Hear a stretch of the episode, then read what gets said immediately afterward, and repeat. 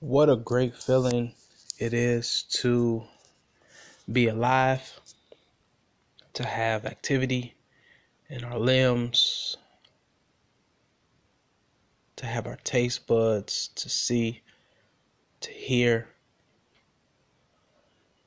It is God in which we live, move, and we have our being.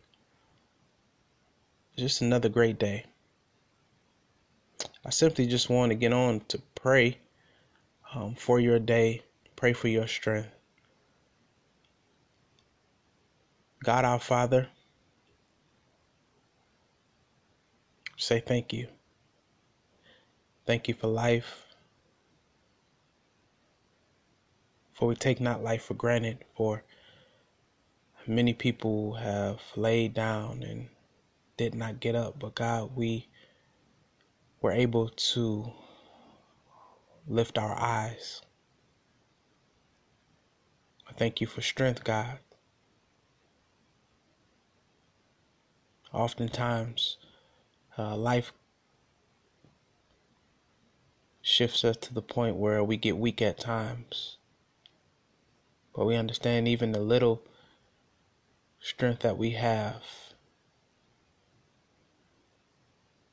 is a lot of strength.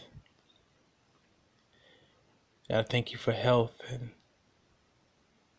knowing that someone has been diagnosed with a disease. I am even praying for their healing. I'm praying for them to be uh, drawn closer to you.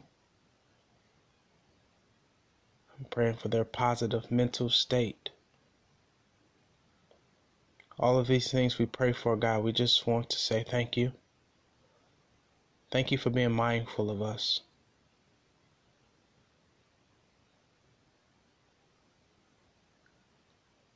God, thank you for thinking of us and having good thoughts, not thinking evil towards us, but having a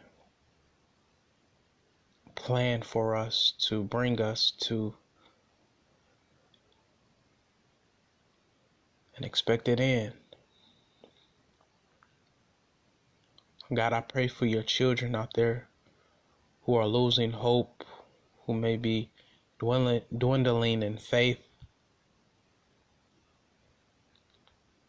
those who are contemplating giving up on life. God, I'm praying, God, that even in this moment that you will send them miracle signs and wonders to show them that you have not forgotten about them and that you would do as you've done to your Elijah, your prophet Elijah, when he wanted to give up on life. While in the wilderness, you sent an angel to cause him to eat and to drink, and you are strengthening him for the days ahead. So, God, I am praying that you will minister to your people as such, those who are contemplating giving up and quitting, been overwhelmed with the weight of life, that you will strengthen them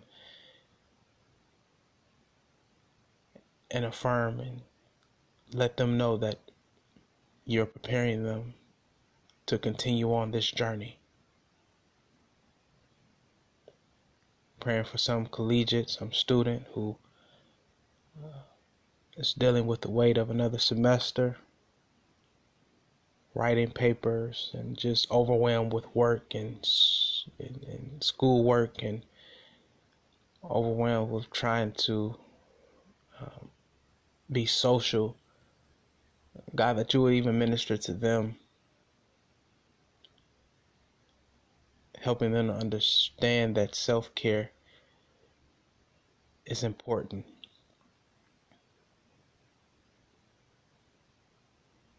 God, I pray for those who struggle with purpose. that you would help them see clearly.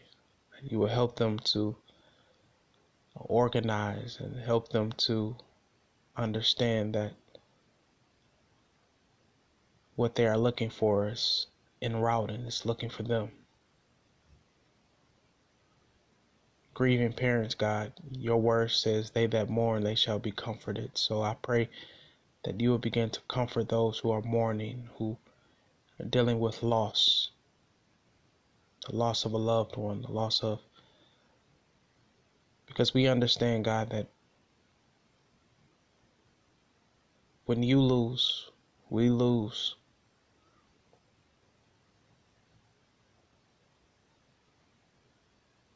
When you gain, we gain.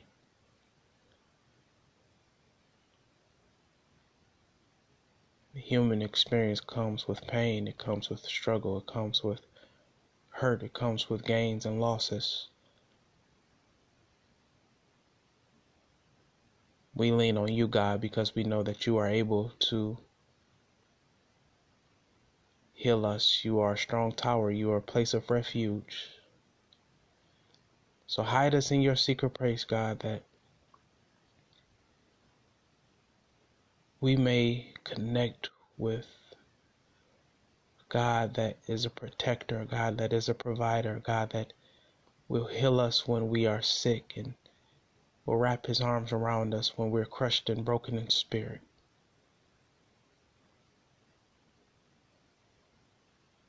God, you've walked you are walking with us even in the dark times. And that oftentimes is in the dark that you do your great works.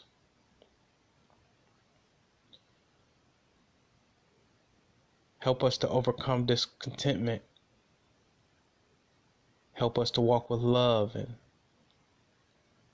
help us to bear fruits of peace and joy and to love our neighbors and to get rid of our human frailties that hinder us from being compassionate about someone other than ourselves. But God, pierce us that we may have the compassion to look out for our neighbors.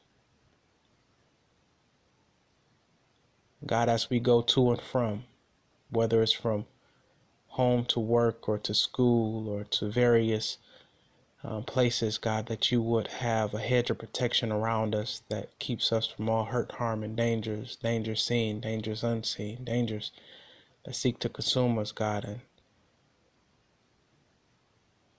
pray, God, that this prayer ignites within someone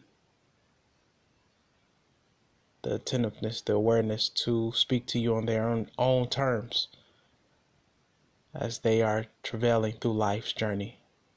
In your Son Jesus' name, we love you, magnify you. Amen.